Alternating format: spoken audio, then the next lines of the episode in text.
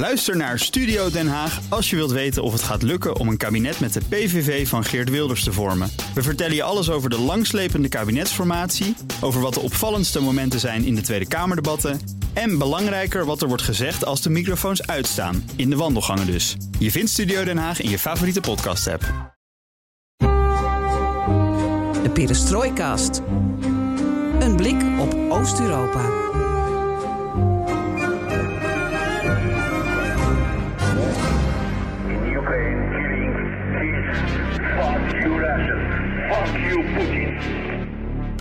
Welkom bij BNR Perestroikast, aflevering 177 van de enige podcast van Nederland die volledig oog voor het oosten heeft en geeft.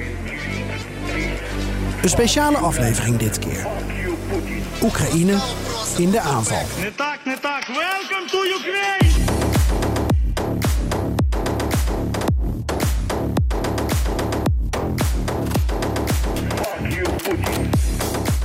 Defensiedeskundige en voormalig bataljonscommandant Sjors Dimitriou. En met zijn collega bij instituut Klingendaal Bob Deen kijken we naar datgene wat iedereen op dit moment bezighoudt. Oekraïne en het tegenoffensief. Welke kansen? Welke scenario's? Welke doelen? Wat is een gunstig moment? Kunnen we het al nabootsen? En hoe moeten we kijken naar de slag om Bakhmut? Wat gebeurt daar? They're trying to worry the Russians by launching these quite strong counterattacks north and south of the city. And Russians have clearly withdrawn from those areas to three or four kilometers away. And they've left the Wagner troops, who are in the middle of Bakhmut, exposed both on north and south, both of those flanks. Maar we moeten ook verder kijken. Niet alleen naar Oekraïne, maar ook naar Rusland. Naar de verdediging. Naar de interne politiek in Rusland. Naar Rusland als buurland. Het gaat niet weg. Kortom, we kijken naar de volgende fase van de Russo-Oekraïnse oorlog. So the question is is this the beginning of the big Ukrainian offensive? Well, it's certainly an offensive action. And to understand it, we need to see it in context with everything else that's going on. En daarvoor schakelen we over naar de kamer van Bob Deen in het gebouw van instituut Klingendaal in Den Haag. Maar niet voordat ik je vertel dat alles ten oosten van de rivier de Elbe de komende weken, maanden, jaren besproken kan worden in de Perestroikast. En dat wij heel sociaal en democratisch zijn. En abonneer je op ons, zodat je geen aflevering hoeft te missen. BNR Perestroikast, zoek ons op in je favoriete podcast-app. Mijn naam is Geert-Jan Haan. Vanaf deze plek wens ik Floris Akkerman veel plezier bij Bruce Springsteen in Rome. En dit is BNR Perestroikast.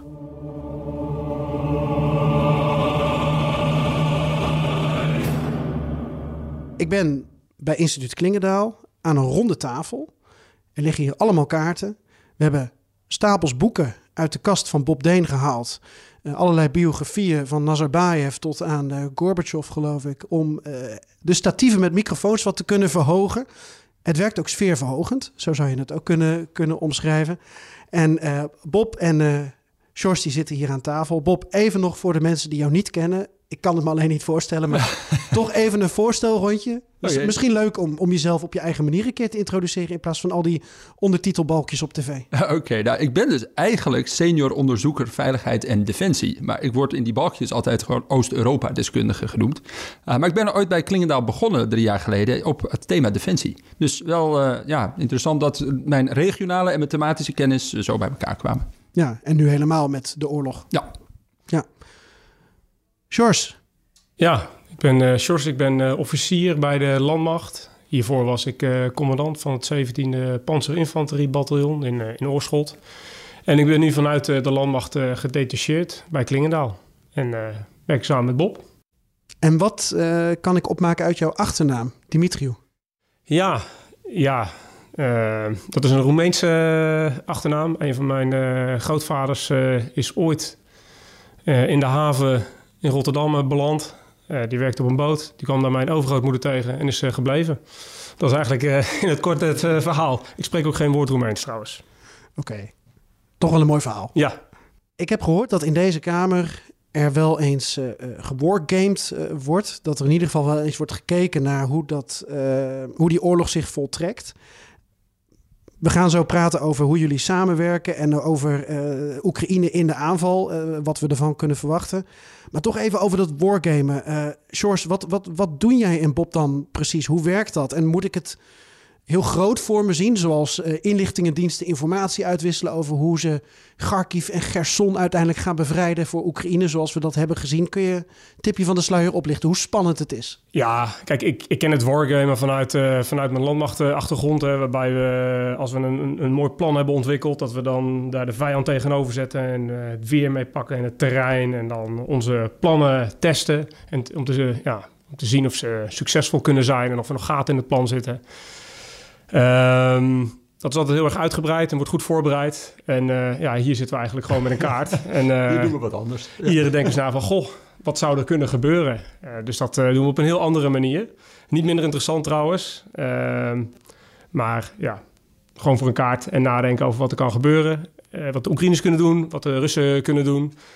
Wat de mogelijke, dit, in deze periode met name het offensieve. Wat zijn de mogelijkheden? En wat kunnen de Russen er tegenover zetten? Dus allemaal lekker, uh, lekker eenvoudig. Ja, dat is dan in het kort, want er zijn zoveel factoren waar je rekening mee moet houden. Ja, zeker. Je kijkt naar gevechtskrachtverhoudingen, je kijkt naar het terrein, je kijkt waar de Rus kwetsbaar is, waar logistieke lijnen lopen.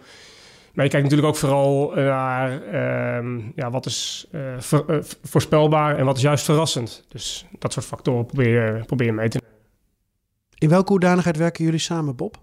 Nou, het, het, hele leuke hiervan, van deze samenwerking, is we werken allebei in de security unit van Instituut Klingendaal. Dus uh, we doen ook gezamenlijk projecten, schrijven samen stukken uh, en dat soort dingen.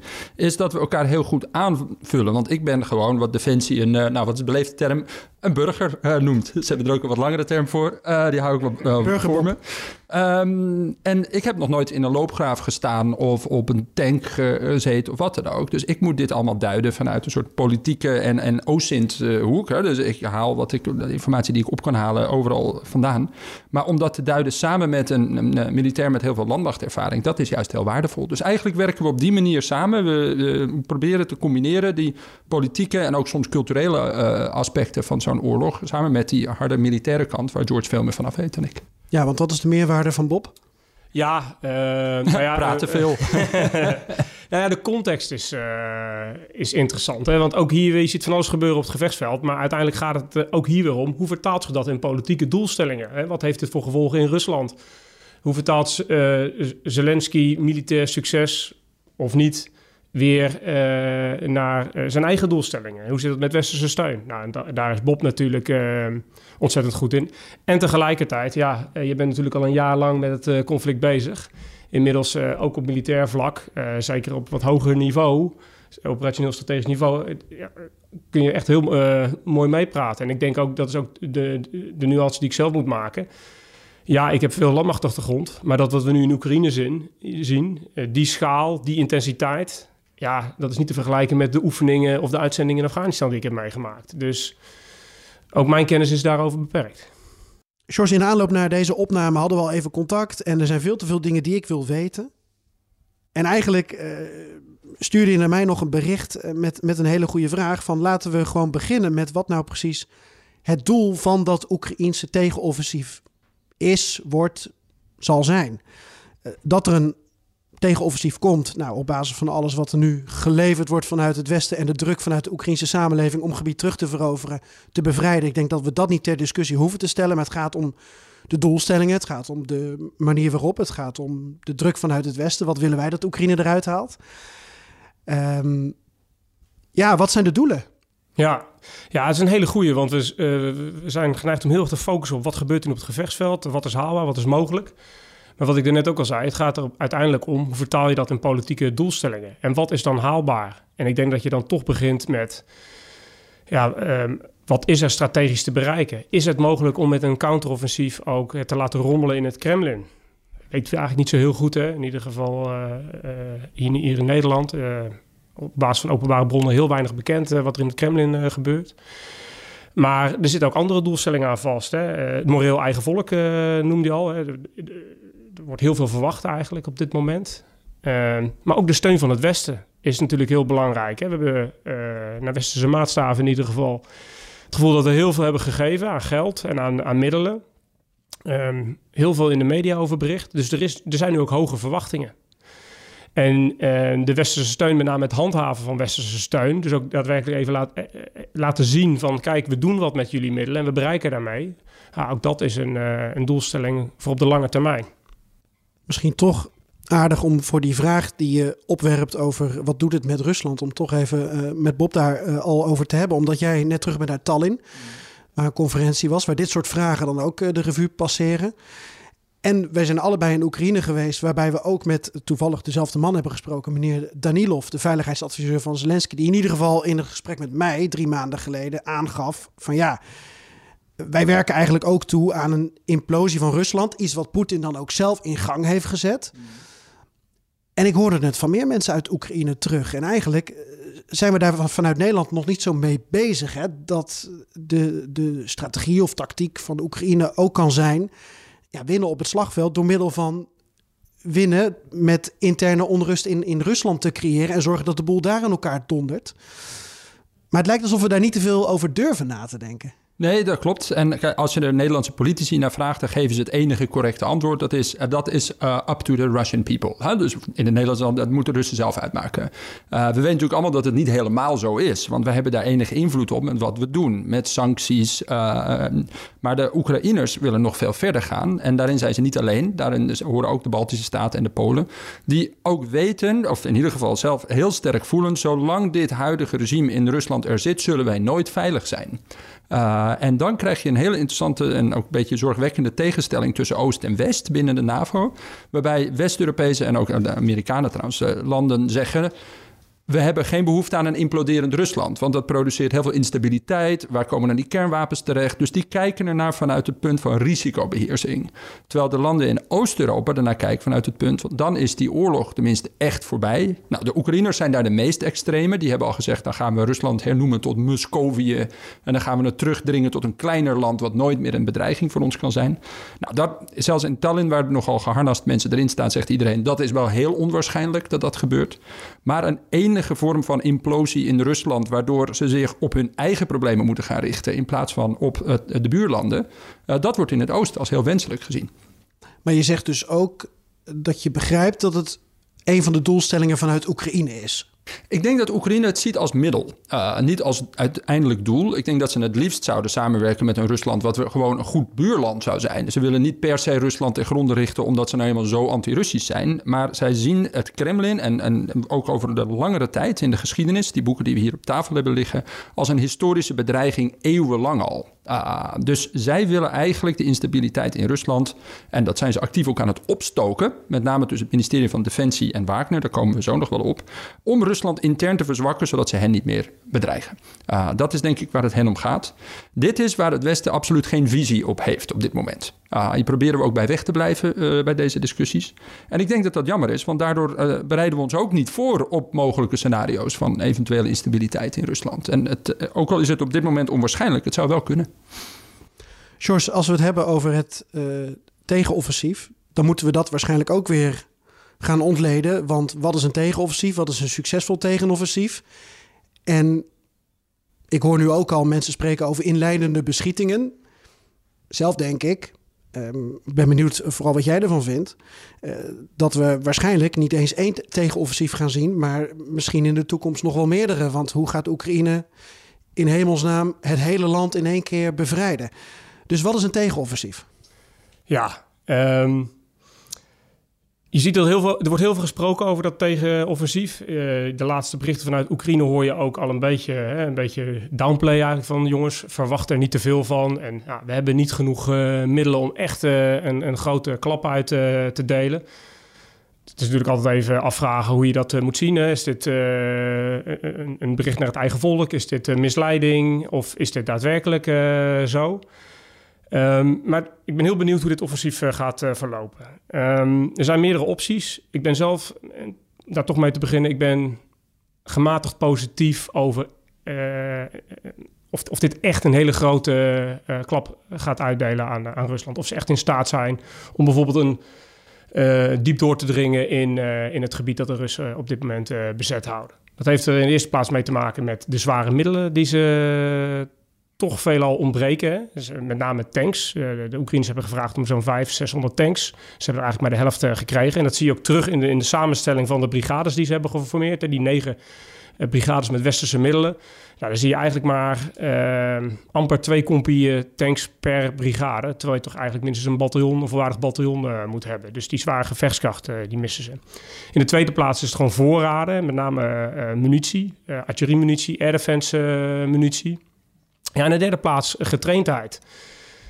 Eh, wil je succesvol hè, eh, met eh geniemiddelen, dus met doorbraaktanks, met bruggenleggers, met artillerie, met, met infanterie, wil je daar geïntegreerd, misschien ook wel met luchtsteun, wil je daar geïntegreerd mee kunnen optreden? Ja, dat vergt gewoon heel veel training. Ja, en, en je ziet dat de Oekraïners toch terug moeten vallen op veel gemobiliseerde krachten. En dat ze maar heel weinig eh, training hebben gehad. Dus mijn verwachtingen, als ik kijk naar zware middelen, eh, munitie en getraindheid, met name de laatste, zijn eh, ho- hoopvol, maar dan met enige nuance. Want als ik het mag zeggen, een maand geleden hadden jullie hier een conferentie bij Klingendaal met eh, delegatie uit Litouwen. Toen sprak jij ook eh, je uit over wat jouw verwachtingen waren van het, eh, het tegenoffensief. Op basis van de informatie die er toen was. En toen klonk je iets minder hoopvol. Wat is er veranderd de afgelopen maand? Nou, eigenlijk niet zoveel. Eh, eigenlijk denk ik er nog steeds hetzelfde eh, over. Ik denk nog steeds dat, eh, kijk, de Oekraïners, dit is echt wel een, forse gevechtskracht. Als je het vergelijkt ook met, met Kharkov, is dit wel eh, twee keer zoveel. Natuurlijk, eh, de, de, de, de Russische defensieven zijn natuurlijk nu wel eh, goed ingericht, eh, voorbereid. Maar met negen brigades, eigenlijk twaalf brigades, ze voeren ook nog drie eigen brigades aan toe, kun je een, eh, een behoorlijke klap eh, uitdelen. En ik verwacht ook echt wel, hè, de Oekraïners, die hebben het voordeel, eh, die kunnen het moment en de plek uitkiezen waar ze aanvallen. Dat is het voordeel van de aanvallen. En ik verwacht ook echt wel dat ze in staat zullen zijn om, om, daar, om in te breken en ergens door een defensieve lijn heen te komen. Maar dan eh, de manoeuvre, de bewegingsoorlog. Dus dat vervolgens dat tempo behouden, dat momentum behouden. En vervolgens diep doorstoten. En dan naar het Russische achtergebied komen om, om vijandelijke artillerie, eh, commandoposten en logistiek eh, aan te vallen. En met name dat moreel, hè, de paniek eh, te laten ontstaan. Dat is zo belangrijk. Dat, dat shock-effect. Ik ben benieuwd, nou, zullen- we weten het ook niet precies, hè. Ik ben benieuwd of ze daartoe in staat zijn. En eh, als ik puur kijk naar nou ja, de, mensen die ze gemobiliseerd hebben... en de korte trainingstijd, ook op al die verschillende westerse middelen... Ja, dan, is, eh, ja, dan ben ik eh, beperkt positief. Ik hoop, en laten we wel duidelijk zijn... ik hoop natuurlijk dat ze heel succesvol zijn... maar mag je het verwachten, is eigenlijk meer mijn, mijn punt. Bob? Ja, ben ik het helemaal mee eens. Het, probleem voor ons als analisten, zeker als je veel met Oekraïners en, eh, praat, is je moet heel erg oppassen dat niet de wens de vader van de gedachte wordt, maar ook dat je het niet gaat overcompenseren daarvoor. Daar heb ik dus heel erg last van. Eh, ik probeer eh, heel objectief naar aantallen en feiten en dergelijke te kijken. Maar in mijn achterhoofd speelt steeds door van oké, maar dat heb ik vorig jaar ook gedaan. Toen zag het er ook niet zo goed uit voor de Oekraïners. Toen wonnen ze ook. Dus ik was ook aan het zoeken naar welke factoren verklaarden nou dat, dat voor mij dan ook onverwachte grotere succes van de Oekraïners. En dat zijn onmeetbare dingen. Dat is het vervelende. Dus Aan beide kanten, hè? aan, aan de Oekraïnse en. Russische kant. Ja, dus, dus de grote drie verschillen, denk ik, die we steeds maar niet kunnen meten, is wat George al noemde, moreel eh, en ook de interne cohesie, cohesie. Dus Oekraïne heeft een heel eenduidige sense of purpose. Die weten wat ze moeten gaan doen, waarom ze het doen. Eh, iedereen staat echt aan één kant. Terwijl die Russen onderling aan het ruzieën zijn. Dat zie je met, eh, met Wagner en de, wat er van waar is van dat Prigozhin zelfs informatie zou willen lekken over zijn Russische Dat geloof ik niet helemaal. Maar dat ze super ruzie met elkaar hebben en elkaar ook liever doodzien, dat geloof ik wel. Ja, ja, dus dat is het eerste. Die Oekraïners eh, gewoon, en dat maakt uit. De Oekraïners zullen minder snel wegrennen dan de Russen. Ze zullen harder doorvechten. Ze gaan er helemaal voor. De tweede is command and control. Ik vind dat heel slecht van de Russische kant. Eh, het wordt gewoon slecht aangestuurd. Veel wantrouwen, onderling leugens over informatie, over eh, eh, steeds zichzelf willen indekken tegen, tegen straf van bovenaf. Maar welk leger gooit nou zijn eigen troepen ook de hele tijd trouwens in ondergrondse eh, soort van kelders om ze te straffen? Dus er, er zit daar iets niet goed aan die, die Russische kant. En de derde, en dat, dat begin ik steeds meer maar gewoon openlijk over te spreken, onderschat niet de incompetentie aan Russische zijde. Hoe vaak ze gewoon hun granaten in een open veld neerleggen eh, en iemand daar een fotootje van op eh, een of andere social media zet en de Oekraïners precies weten wat ze moeten raken. Hoeveel auto's die vastlopen omdat dingen gejat zijn, de benzine op is, wat dan ook. Dat heb ik aan de Oekraïnse kant veel minder gezien.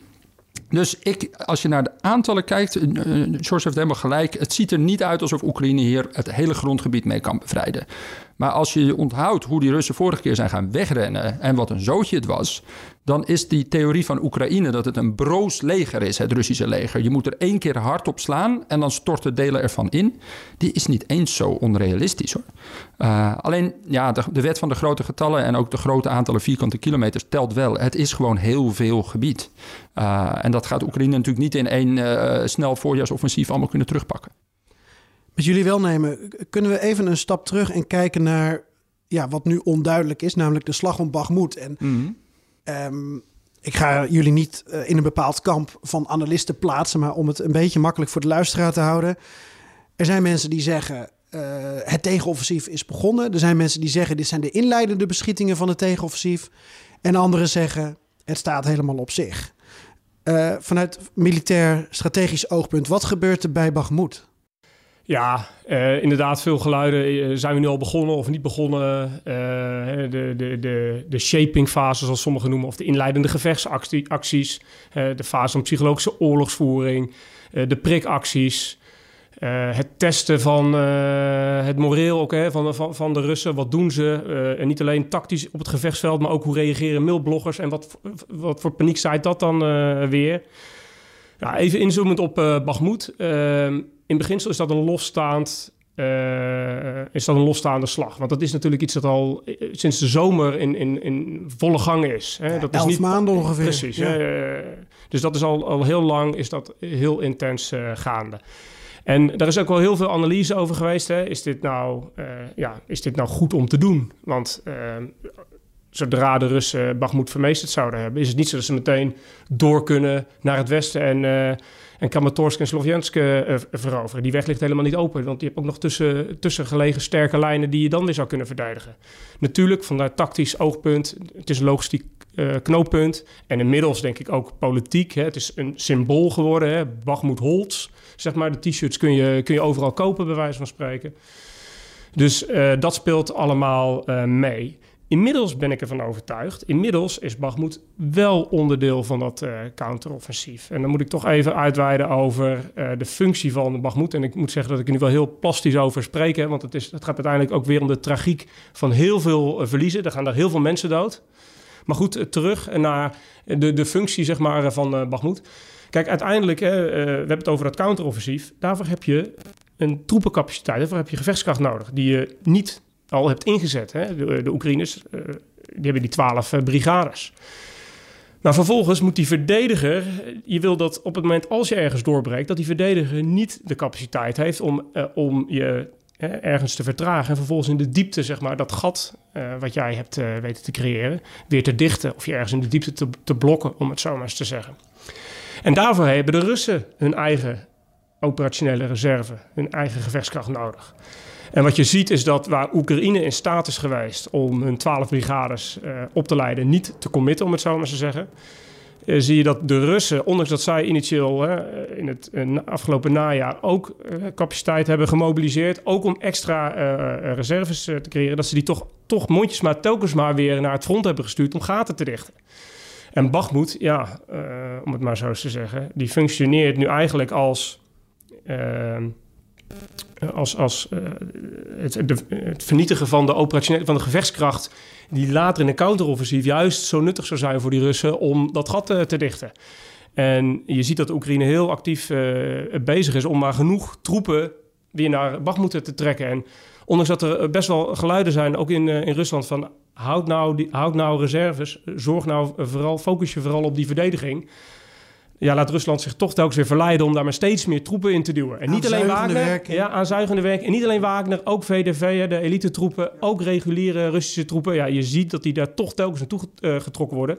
Laatst met het, uh, een aantal dagen geleden is een counteroffensief geweest van de Oekraïners. Best wel ja, een klein gebied veroverd. En gelijk worden weer vier gevechtsbataljons vanuit uh, de Russ het Russische leger, die op dat moment nog niet gecommit waren, worden er weer naartoe getrokken om, om gaten te dichten. Ja, dat is dus capaciteit die je dus niet als, als Oekraïne aanval, die dus niet kunt gebruiken om een gat te dichten, om een lijn te herstellen of om er naartoe te sturen om die opmars te vertragen. Maar kijk, als we naar de kaart kijken, want je hebt zelf hier ook een kaart van Bagmoed ja. uh, afgedrukt. Uh, ik heb hier Deep State heb ik uh, openstaan, waarbij je ziet deze is nog van gisterochtend geüpdate, bijna 24 uur geleden. Dan gaat het om zo'n 20 vierkante kilometer. eh, wat Oekraïne nu weer heeft bevrijd. En met name op de flanken. Hè, dus om, om heen. Helemaal niet Bakhmut stad zelf. Sterker nog, daar rukken de Russen en Wagner eigenlijk steeds meer op. Ja.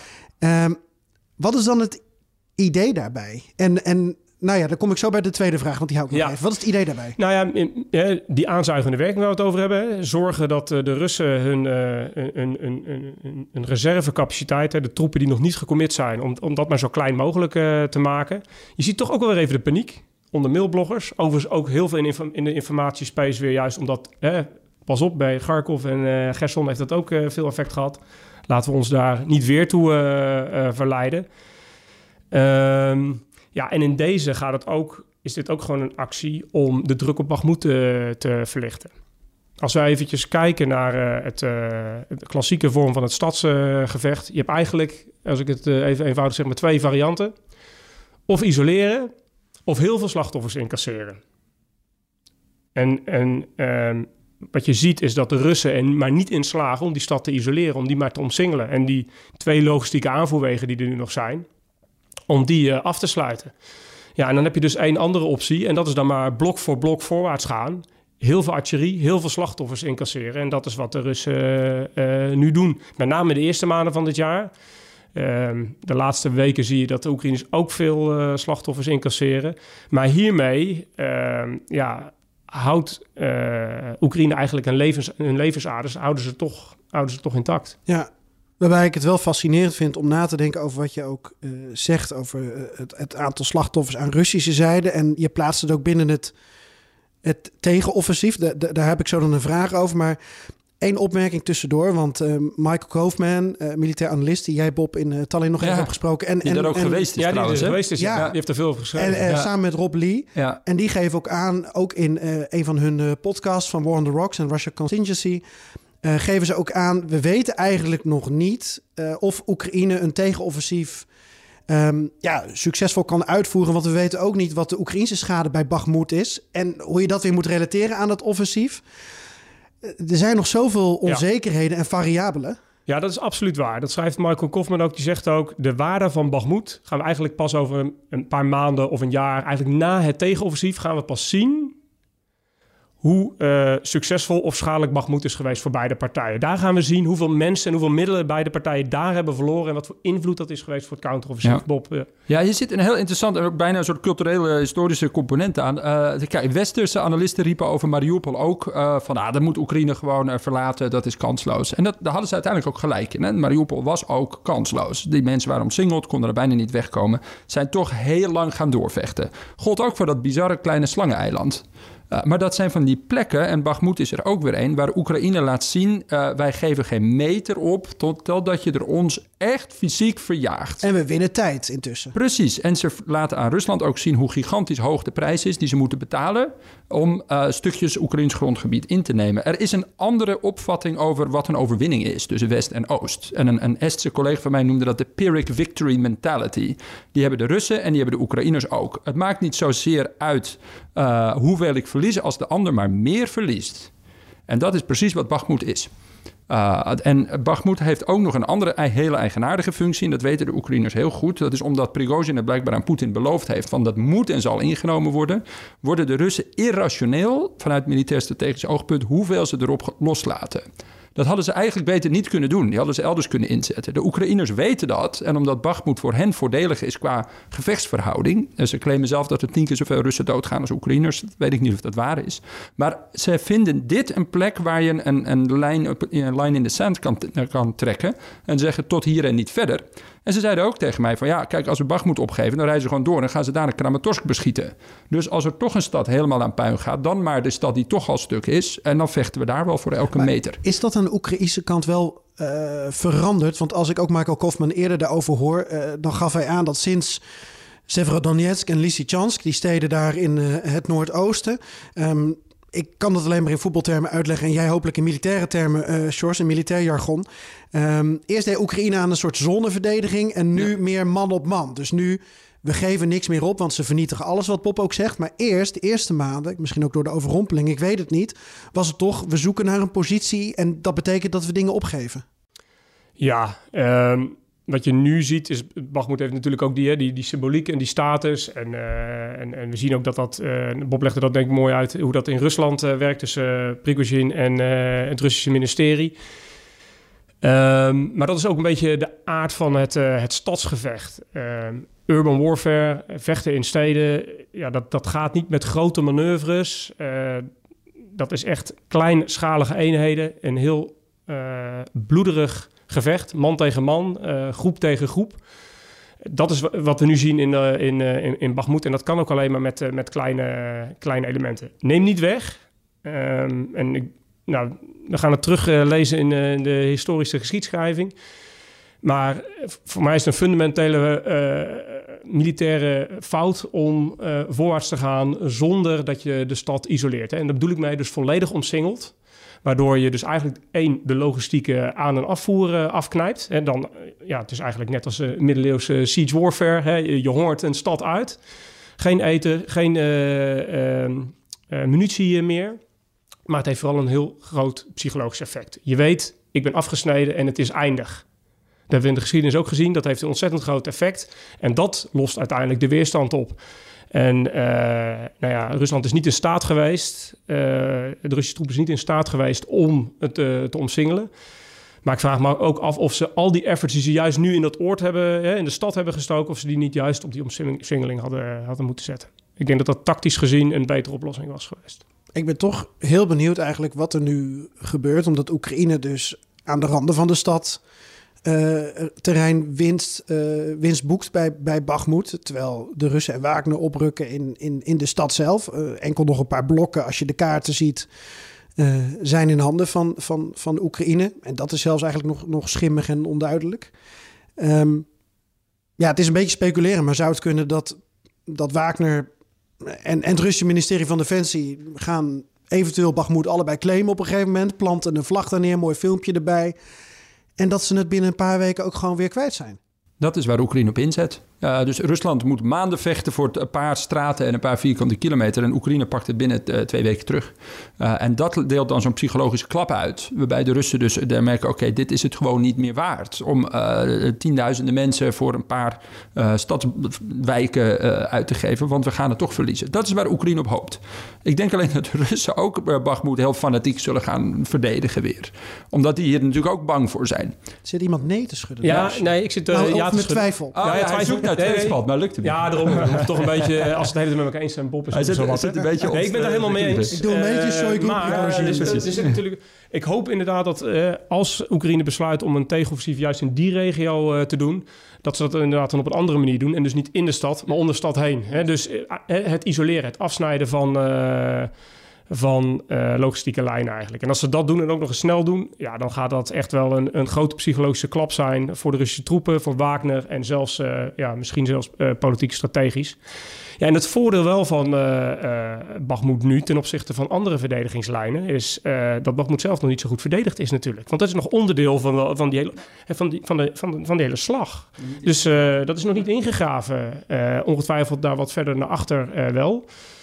Um, maar dat biedt best wel, uh, dat zou best wel kansen kunnen bieden voor een, uh, voor een offensief. En is dat de reden dat jij op dit moment, hè, met de informatie die we nu hebben, zegt: dit zou best wel eens het begin van het tegenoffensief kunnen zijn, omdat Oekraïne om Bakhmut heen gaat, op zoek naar andere goede posities om in te nemen, uh, kijken hoe ver ze kunnen komen?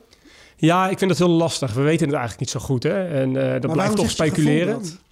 nou, ik, ik zeg, laten we zo zeggen.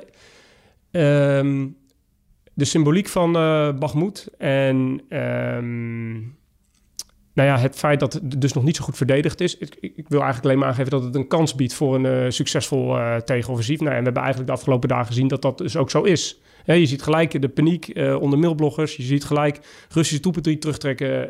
Prigozhin die weer een... Uh, paniekerig uh, filmpje uh, verspreidt. Dus dat heeft best wel effect. Maar ik denk dat ze dit nu vooral doen...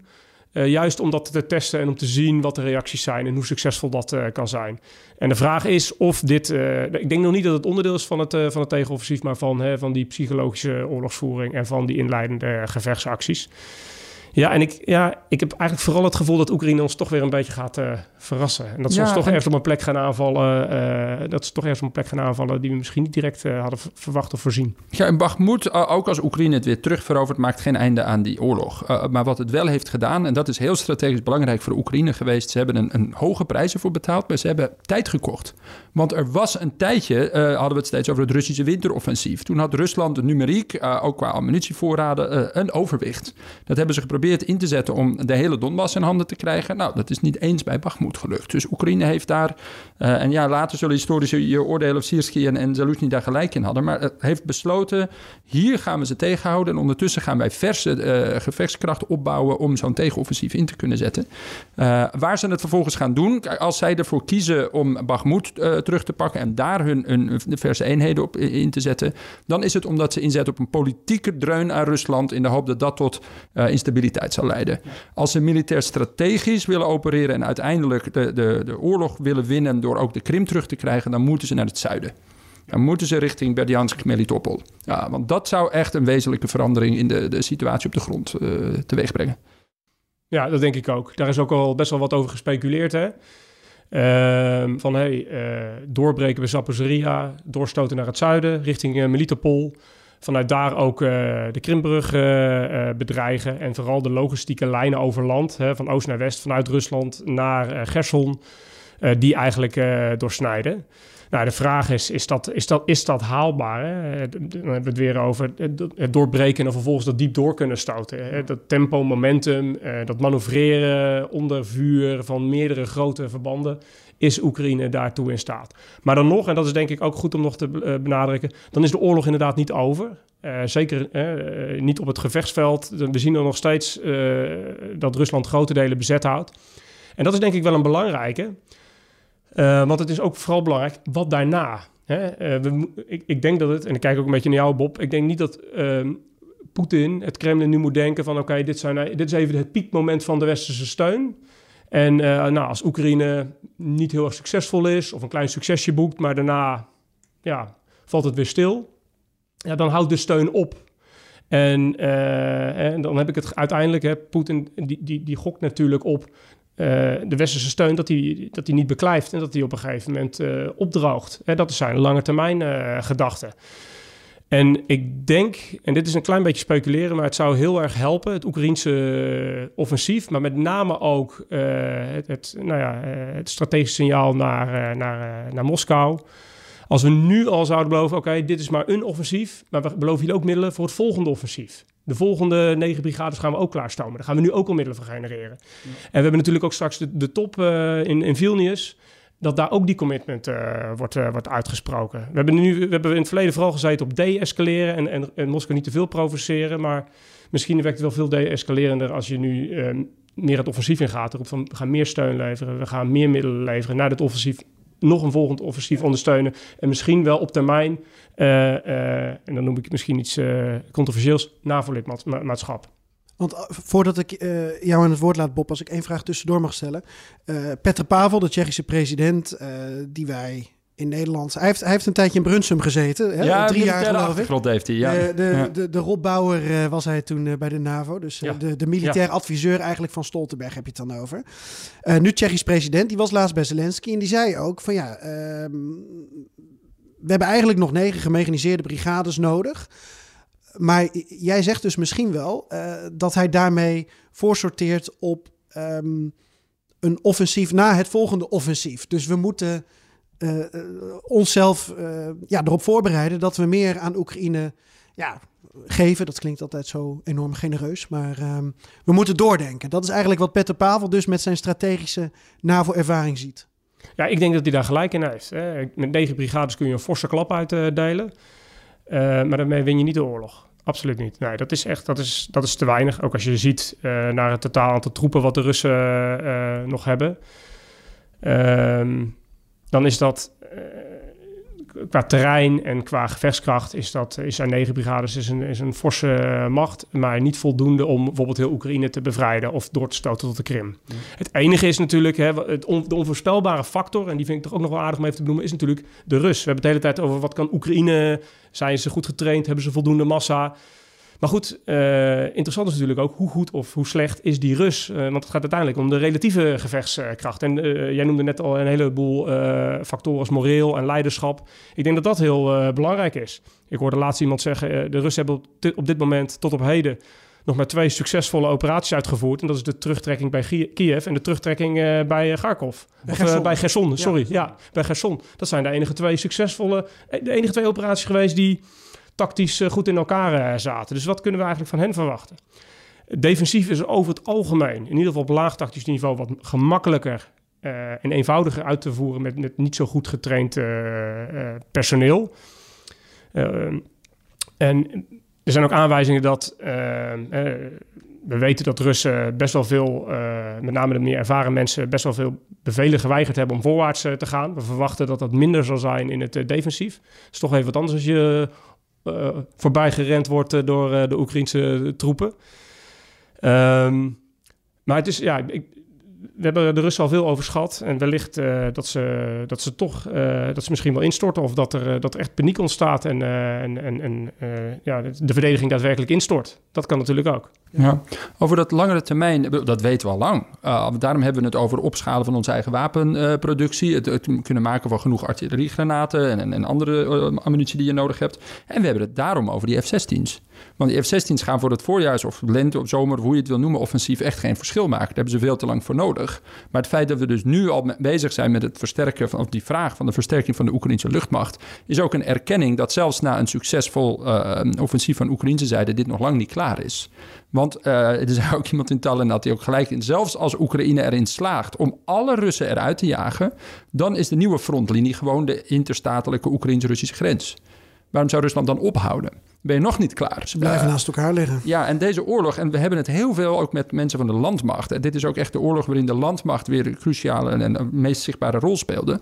Omdat geen van beiden luchtoverwicht heeft. Wij zouden een oorlog als dit op deze manier nooit willen vechten. Je zou beginnen met het creëren van luchtoverwicht, zodat je je troepen op de grond kan steunen. En uh, dat is wat Oekraïne nu wil bereiken. Daarom vragen ze natuurlijk om die F-16's en om die luchtverdedigingssystemen trouwens... om te voorkomen dat die Russische luchtmacht alsnog een luchtoverwicht krijgt. Ja, hadden ze de eerste weken moeten doen. Ja, dat, die kans is inderdaad verkeken. Ik denk dat het niet realistisch is dat uh, een van beide partijen nu nog uh, luchtoverwicht uh, krijgt. En dat het altijd contested zal blijven, op zijn best. Um, ja, ik, ik ben ook, ook om die reden. Uh, luchtoverwicht is ontzettend belangrijk. Hè? Je ziet dat ook de, de moeite die de Amerikanen nu hebben, of het Westen nu hebben, om de Oekraïners goed voor te bereiden, te trainen, op te leiden voor dat gevecht, dat, dat offensief. Ja, wij denken altijd vanuit termen van luchtoverwicht. Wij zijn het niet gewend om in ieder geval niet tijdelijk en plaatselijk luchtoverwicht te creëren. Maar de Oekraïners die zullen het echt toch zonder luchtoverwicht moeten doen. Nou, het, het geluk is dat de Russen dat zelf ook maar, maar ja, die kunnen dat ook maar heel moeilijk, heel moeizaam.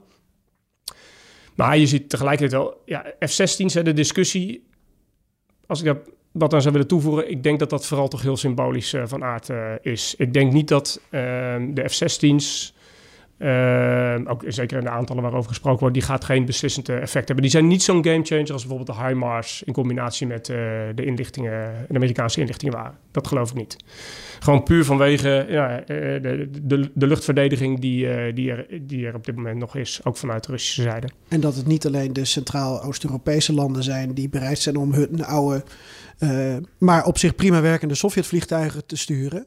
Maar dat het dus ook West-Europa is of het Westen dat dit überhaupt overweegt. Hè? Dat er een coalition of the willing ontstaat, wat dus ook weer een soort politiek signaal richting Rusland moet uitstralen. Ja, en ook die F-16 zijn niet de jongste meer, hè, trouwens. wij, sturen niet onze F-35 allerbeste uh, gevechtsvliegtuigen. Uh, maar het is het, eigenlijk, de doelstelling is, is tweeledig. Po Poetin een politieke en een militaire overwinning ontzeggen. Politiek gezien is, uh, als hij ons zodanig kan afschrikken, ons het Westen, dat wij Oekraïne niet meer durven te steunen. Met nucleaire dreigementen of door een offensief zodanig te verslaan van Oekraïnse zijde. Dat wij niet langer geloven dat het nog te doen is. En wij druk op Oekraïne gaan uit uitoefenen om toch maar te onderhandelen. Dat is de, de politieke tak van de Russische overwinningsstrategie. En de militaire tak is uh, de uh, uitputtingsoorlog winnen. Door hun grotere industriële potentieel ten opzichte van Oekraïne, door hun betere demografische situatie, meer mensen op de been kunnen brengen, langer door kunnen gaan. Want vergeet niet, Rusland betaalt wel een binnenlandse prijs natuurlijk hiervoor, maar de prijs die Oekraïne betaalt is vele malen groter economisch, maar ook menselijk. Een hele generatie groeit dan op uh, die en geen kinderen kunnen krijgen. De demografie was al niet heel goed. Dus Rusland kan Oekraïne ook gewoon op langere termijn slopen. Uh, en dat is wat Oekraïne natuurlijk als urgentie aan ons wil meegeven. Van, wij hebben niet nog tien jaar voor een uh, Iran-Irak-oorlog die acht jaar, negen jaar gaat duren. Uh, dit moet sneller. En je geeft Rusland weer hersteltijd. En je geeft Rusland ja. hersteltijd. Dus, dus dit is waarom zowel die politieke als die militaire componenten komt. En vandaar ook die harde Oekraïense eis van geef ons nou een vorm van veiligheidsgaranties. Want anders houdt dit nooit op dan is het een kwestie van tijd voordat Rusland weer komt. En dat is natuurlijk een hele lastige, want tot nu toe is de positie van ook de VS altijd heel helder geweest. Wij gaan niet meevechten. Zodra je veiligheidsgaranties gaat afgeven en Rusland valt nogmaals aan, ja, dan moet je een stap verder gaan. Dan moet je gaan meevechten. Nou, dat is waar iedereen natuurlijk heel bang voor is. En dat is waarom ik denk dat op die Vilnius-top dat NAVO-lidmaatschap nog op een iets langere baan geschoven zal worden. En waarom Oekraïne het ook zelf heeft over NAVO-lidmaatschap na de overwinning. Omdat zij weten dat het Westen wil niet meevechten. Nou, zelfs de Litouwse president die hier in Nederland was, gaf aan: ja, we moeten inzetten op een, een, een roadmap. Ik weet daar nog steeds geen goed Nederlands woord voor. Een, een richting voor Oekraïne. En daar heeft Stoltenberg ook op gehind nu. We, gaan ervoor zorgen dat Oekraïne uiteindelijk onderdeel van de familie wordt. Maar we gaan nu de route bepalen. En dat zal in veel nieuws dan op een of andere manier worden bekrachtigd, de route, maar ja. niet, niet, het eindpunt. En daarom verwacht ik dat die F-16, wat, wat uh, George ook zei, die zijn ook een politiek signaal. Die zijn een onderdeel van wat het Westen voor Oekraïne kan doen. Als wij geen NAVO-lidmaatschap kunnen aanbieden, kunnen we wel gevechtsvliegtuigen leveren die hen helpen om hun luchtruim veilig te houden. Want ze zijn ook nog eens nodig om te voorkomen dat Rusland steeds met allerhande raketten, zijn het kruisraketten of uh, die nieuwe uh, glijdende bommen die ze ook aan het maken zijn. Uh, FAP 5 heet dat geloof ik, die, die gewoon een, een, domme bom waar je wat vleugeltjes op zet, die een stukje kan glijden, tot wel 50 of zo kilometer diep. Dat wil Oekraïne tegen kunnen houden, zodat Rusland niet steeds kritieke infrastructuur kan aanvallen en heel veel schade kan aanrichten.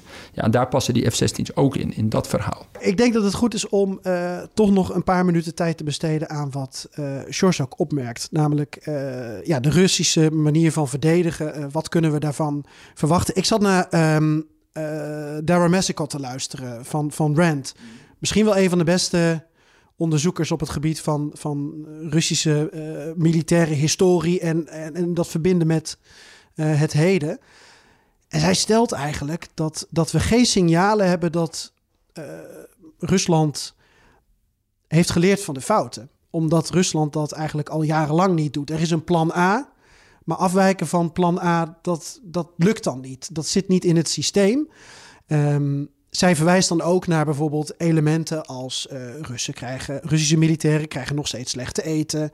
Uh, er wordt slecht met ze gecommuniceerd. Ze worden op verschillende manieren in Rusland, in dat enorme land, opgeleid. Uh, verbondenheid van wapens, uh, et cetera, et cetera. Nu krijg je ook nog de situatie, zo stelt zij in ieder geval, dat deze in de laatste podcast met uh, Michael Kaufman, dat um, de mensen voor Wagner eigenlijk een hoger moreel hebben, want die hebben ook echt iets om voor te vechten. Hè? Die, die komen uit die gevangenissen, die is hun een nieuwe plek in de samenleving beloofd. Um, ja, hoe zit dat met, met de Russische soldaten? Wat, waar, waar vechten zij voor? Um, de salarissen, waar een verschil dan ook nog tussen zit.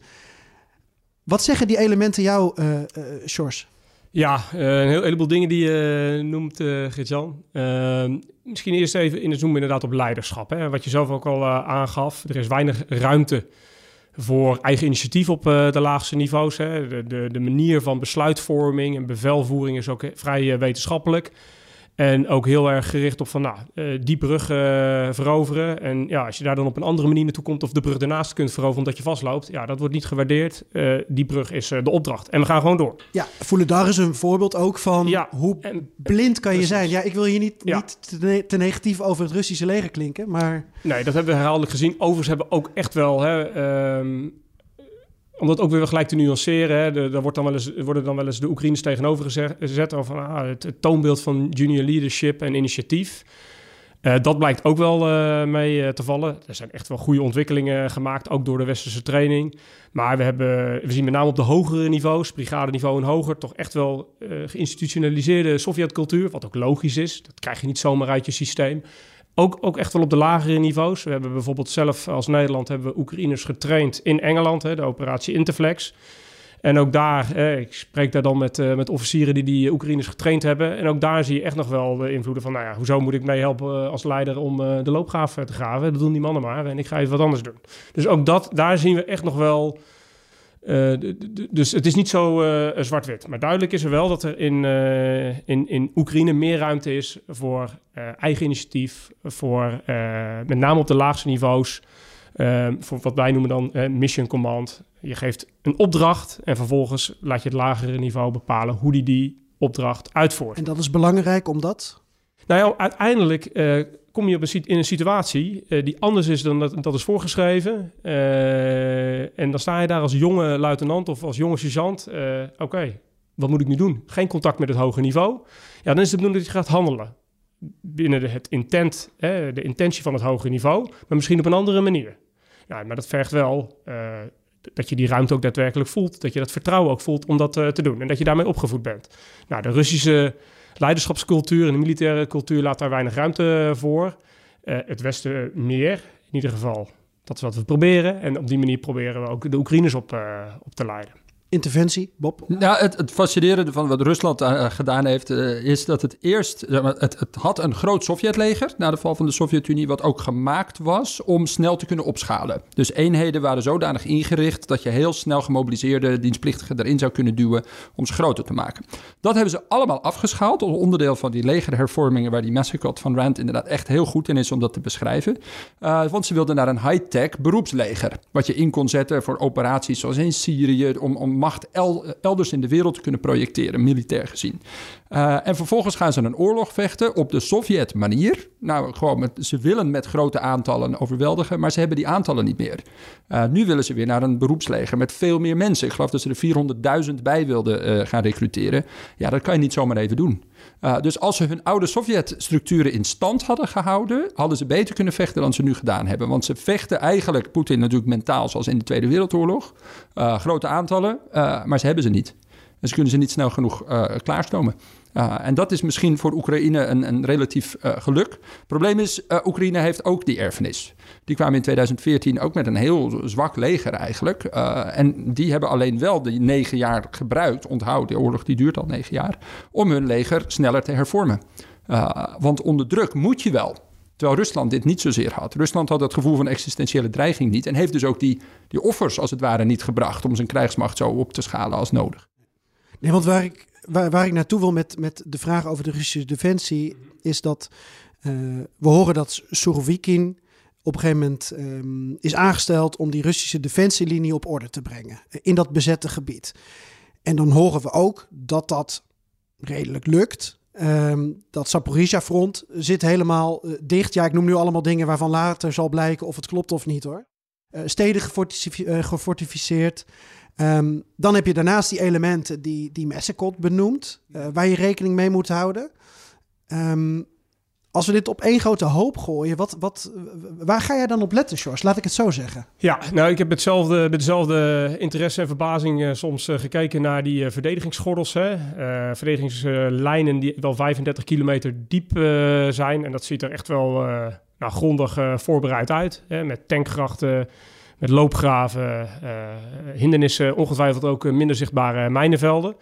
Dus uh, nou, dat wordt echt wel een kluif om daar doorheen te breken. Alleen, ja, zo'n verdedigingslinie is eh, uiteindelijk alleen maar succesvol als er dus ook mensen zitten die weten wat ze moeten doen, die ook het moreel en de wil hebben om eh, daar te vechten. En als er samenhang is op, op hoger niveau om die verdediging ook in stand te houden. Want je even komt... voor de leek, alleen maar loopgraven en mijnenvelden, daar kom je met bepaalde Daar kom je op een gegeven moment, uh, we weten ook, dat is trouwens ook wel interessant, hè, doorbraakmiddelen en brugleggers, die zullen ze nodig hebben om over hindernissen heen uh, te komen. We weten niet precies of ze daar voldoende middelen voor hebben gekregen. Ik vermoed van wel, want anders dan uh, zijn ze snel klaar. Maar die middelen, nou, laten we zo zeggen, als de Rus ehm, niet in die loopgraaf zit, blijft zitten, maar terugvalt, ja, dan zien ze dus niet die, die mijndoorbraak tank voorwaarts komen... die uitgeschakeld moet worden, dan wel door een antitankwapen, dan wel door artillerie.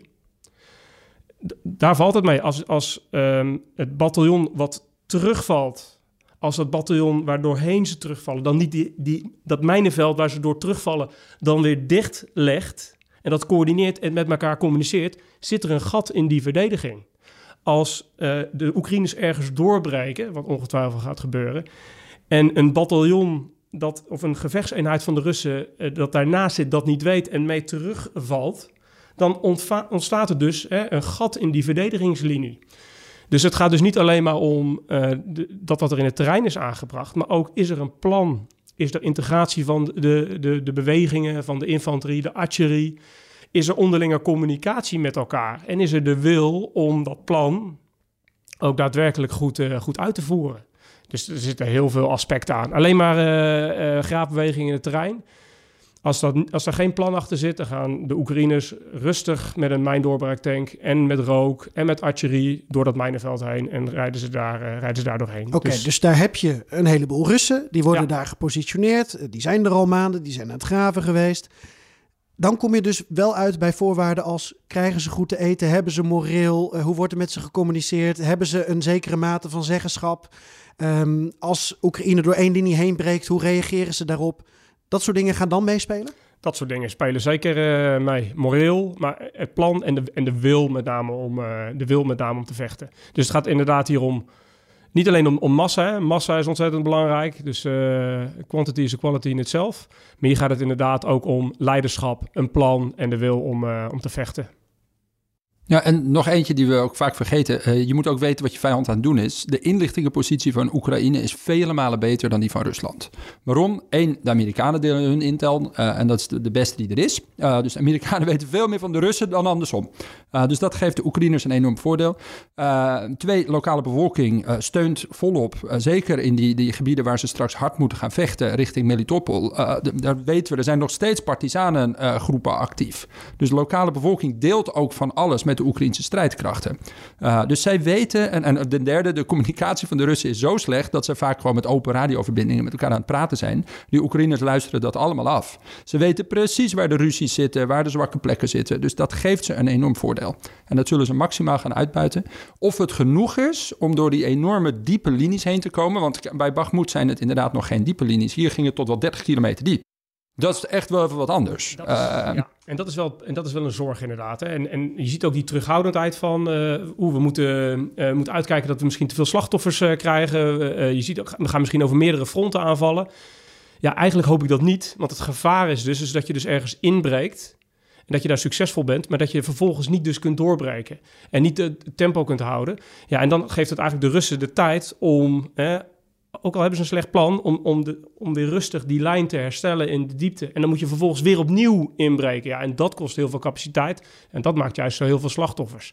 Dus het gaat erom, eh, als ze manoeuvreoorlog voldoende eh, in zich hebben, voldoende daartoe getraind zijn om na die, door, eh, na die inbraak eh, in de diepte door te breken. Je hebt hier ook een kaart liggen, Sjors, Ja. met eh, Russische veldfortificaties. Ja, hoe, hè? hoe rood wil je het hebben? Ja, ja, rondom Zaporizhia zie je dus echt die eh, verdichting. En ehm, ja, je ziet dus dat zowel aan Russische zijde, maar eh, van, ja, aan alle kanten is het duidelijk dat dat een grote eh, bedreiging is. Hè? Bij Zaporizhia doorbreken naar het zuiden richting Melitopol.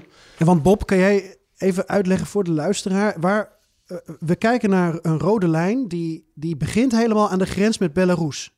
Ja, dus eigenlijk is dus wat ik net ook zei, de hele Russisch-Oekraïnse grens is nu een frontlinie.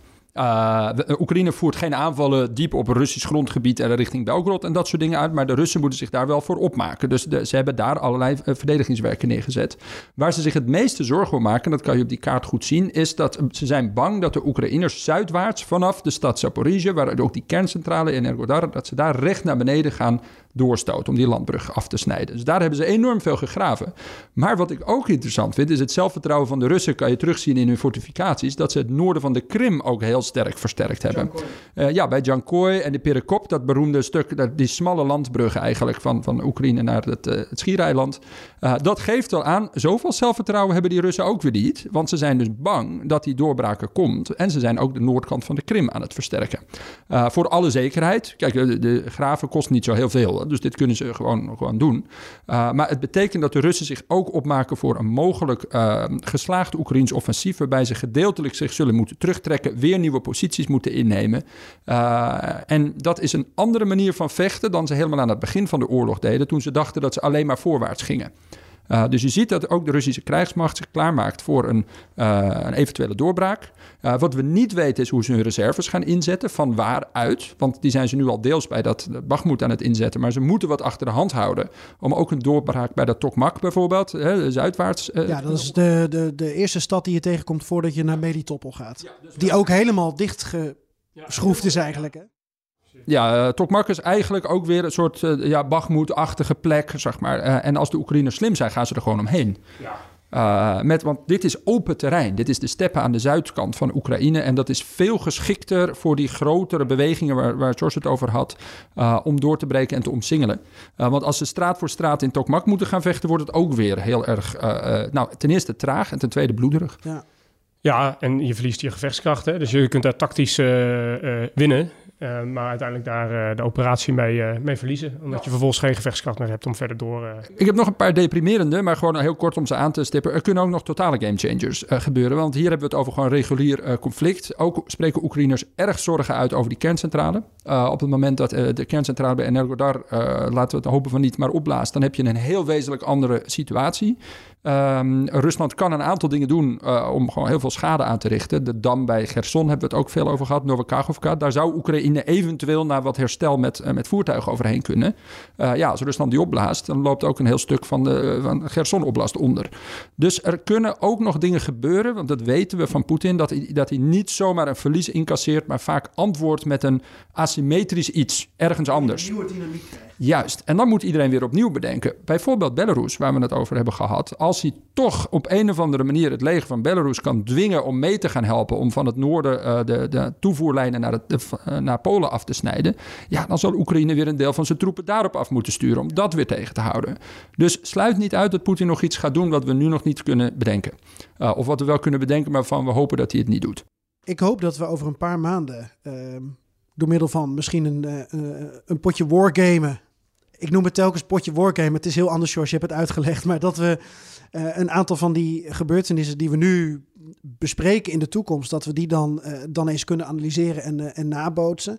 Het is een hele journalistieke vraag om toch te stellen, ja, wat verwacht je? Wat, wat voorspel je? Um, wat voor zomer gaan we tegemoet? Gaan we een, een, een moment op korte termijn al zien dat de Oekraïners iets gaan beginnen? Of denken jullie dat ze gewoon, dat het klopt wat Zelensky zegt, dat ze nog niet alles hebben wat ze nodig hebben Um, ja, om, om ergens überhaupt succesvol te zijn. Want je wil ook heel snel dan doorstoten. Je wil ook snel kunnen manoeuvreren en reageren. Um, ja, binnen dat kader, wat, wat kunnen we verwachten? Wat, wat is je verwachting? Ja, een mooie eh, journalistieke vraag inderdaad. Helaas, helaas ga ik een wat uh, onjournalistiek antwoord geven. Uh, ik las vanochtend ook ja, nog even dat stuk na van Kofman, die daar recent geweest is. En die zegt ook, ja, we weten het eigenlijk niet zo goed. En ik vind dat eigenlijk, zeker uh, voor iemand als hij, die toch ja, wel een van de belangrijkste analisten is over dat uh, conflict. Ik vind het mooi dat hij dat doet. Want ik vind nog wel eens, nou ja, we neigen nog wel snel naar van, oh, dit zou kunnen of dat zou kunnen. En dan heel erg vanuit onze eigen westerse blik, of misschien een beetje wensdenken, wat Bob zegt. En soms is het ook goed om te bedenken, ja, we weten het eigenlijk niet zo goed. En dat is eigenlijk ook het enige juiste antwoord nu. We weten het niet. Uh, de, de, de signalen zijn uh, vanuit Oekraïne van nou, het kan nog wel even duren. Waarvan we niet zeker weten of dat uh, misschien misleiding is of uh, voor binnenlandse consumptie. Of dat dat daadwerkelijk zo is. en wat we wel weten is dat we met z'n allen echt hopen op een succesvol op offensief. Hè, wat ook echt politiek-strategische gevolgen heeft hè, in het Kremlin. En, en, en mogelijk dichter bij een oplossing komt, een menselijke oplossing. Maar de werkelijkheid uh, is, is dat uh, in ieder geval, ik in ieder geval gematigd uh, positief ben. Hè. De, Oekraïners die hebben een, een, echt wel een grote gevechtskracht. Daarmee kunnen ze een klap uitdelen. Maar of het echt een verandering gaat brengen op het gevechtsveld, laat staan politiek strategisch, nou, dat is mij zeer de vraag. Ja, het meest, meest waarschijnlijke is dat dingen nooit in de extreme versies eindigen, maar in een soort halverwege ertussen. Uh, dat zou betekenen een deels geslaagd Oekraïns offensief, dat Rusland meer schade aanricht dan we nu kunnen, kunnen inschatten, maar niet zoveel dat het daarmee afgelopen is. Een, een nieuwe frontlinie. En dan de vraag, uh, gaan we, gaat Oekraïne dat gewoon nog een keer doen en nog een keer en nog een keer? Of beslist het zelf, dit zijn zoveel slachtoffers, uh, laten we dan toch maar gaan praten. Ik vermoed eerder het eerste. Uh, zeker nou ik in Kiev ook weer de, die stemming daar uh, uh, gevoeld heb. Mensen zijn daar echt niet bereid om nu na te denken over scenario's waarin Rusland voor langere tijd stukken Oekraïns grondgebied bezet houdt. Uh, maar of ze dat zullen blijven doen als de slachtoffersaantallen oplopen, dat, dat weet ik natuurlijk niet. Over wargamen, iedere keer dat je dat zegt, moet ik denken aan één. Uh, ik speel dus games. Ik ben een gamer, onder andere uh, PC-games. er is er eentje die heet Hearts of Iron 4. niet om nou te zeggen oorlog is leuk en een spelletje, want absoluut niet. Maar als je een beetje inzicht wil over de samenhang van aan de ene kant op de grond, de troepenbewegingen, en aan de andere kant industrie. En als derde diplomatie en strategie, dan is het wel een aanrader. Het is geen reclame hoor, maar ik weet dat uh, Perestrojkast ook wat jongere luisteraars heeft. Uh, onze stagiair uh, speelt het inmiddels ook, begrijp ik. is wel je speelt dan letterlijk, als je dat wilt, kan je Stalin in de Tweede Wereldoorlog spelen. En dat veranderde wel mijn gedachten over wat er toen is gebeurd. Want als je een keer je in de, de schoenen van een Russische of een Sovjet-leider verplaatst over hoe kwetsbaar ze zijn met open gebied, uh, waarom Belarus zo belangrijk is, de, de snelweg richting Moskou eigenlijk loopt door bepaald terrein in, in Belarus, dan is het best een nuttig spel om een keer te doen. En dat is geen grap, daar kan je best veel van leren. Ja, wil ik ook heel graag nog in een volgende keer met jullie over een paar maanden bespreken. Klimatologische en terreinomstandigheden. Dat zijn ook nog fascinerende elementen natuurlijk. Oh ja, de Rasputitsa. Ik zag een mooie vraag die je niet hebt gesteld. En, het, ja. en het Oekraïns daarvoor is wel mooi. Zonder wegen. Ja. En dus onbegaanbaar eigenlijk. Uh, ja, dat is zeker een factor. Uh, maar goed, dat is nu geloof ik... Nu, nu is het voorbij hoor. Ja, er zijn nu... Uh, analisten zijn het er wel over eens dat die periode wel voorbij is. En eigenlijk sinds een week of twee, sinds begin mei, is het terrein voldoende begaanbaar om op te manoeuvreren. En je ziet het ook trouwens uh, aan de recente beelden die, uh, die we van Oekraïnse voertuigen zien. In plaats van uh, modder zien we opeens stof. Nou, dat is ook een sterk signaal dat, dat de grond voldoende is opgedroogd om over te manoeuvreren. Ja, we kregen nog wisselende geluiden van, van collega's, hè, van, van Floris Akkerman en van Michiel Driebergen, die dan ook in, in, in Donetsk en ook in Zaporizhia nog plassen zagen. Of die ook in de, in de loopgraven nog veel nattigheid zagen. Maar het is nu twee, drie weken prachtig weer in Oekraïne en dan kan het dus toch rap gaan. Oké. Dank jullie wel. Bob, ook bedankt voor het meebrengen uit Estland van uh, AFU. Uh, fantastisch uh, dekbeelderspel wat je hebt, hebt meegenomen. Um, ik zal een linkje in de show notes plaatsen. Dan kunnen mensen zelf zien wat dat dan inhoudt. Het is overigens wel vrij moeilijk um, te verkrijgen. Maar misschien dat, nou ja, dat het in de toekomst een succes wordt. Bob Deen, dankjewel. George Dimitriou, ontzettend bedankt. Um, ik denk dat het heel leerzaam is om dit op deze manier eens rustig te bespreken. En bijzondere stapel boeken hebben we gebruikt voor de, voor de microfoons. Over eh, een jonge Stalin en Gorbachev en Nazarbayev. Geen uitdrukking van de politieke positie van het instituut Klingeraal. Heel goed. Je ziet de foto's erbij op de website. Eh, dank jullie wel en eh, succes de komende tijd.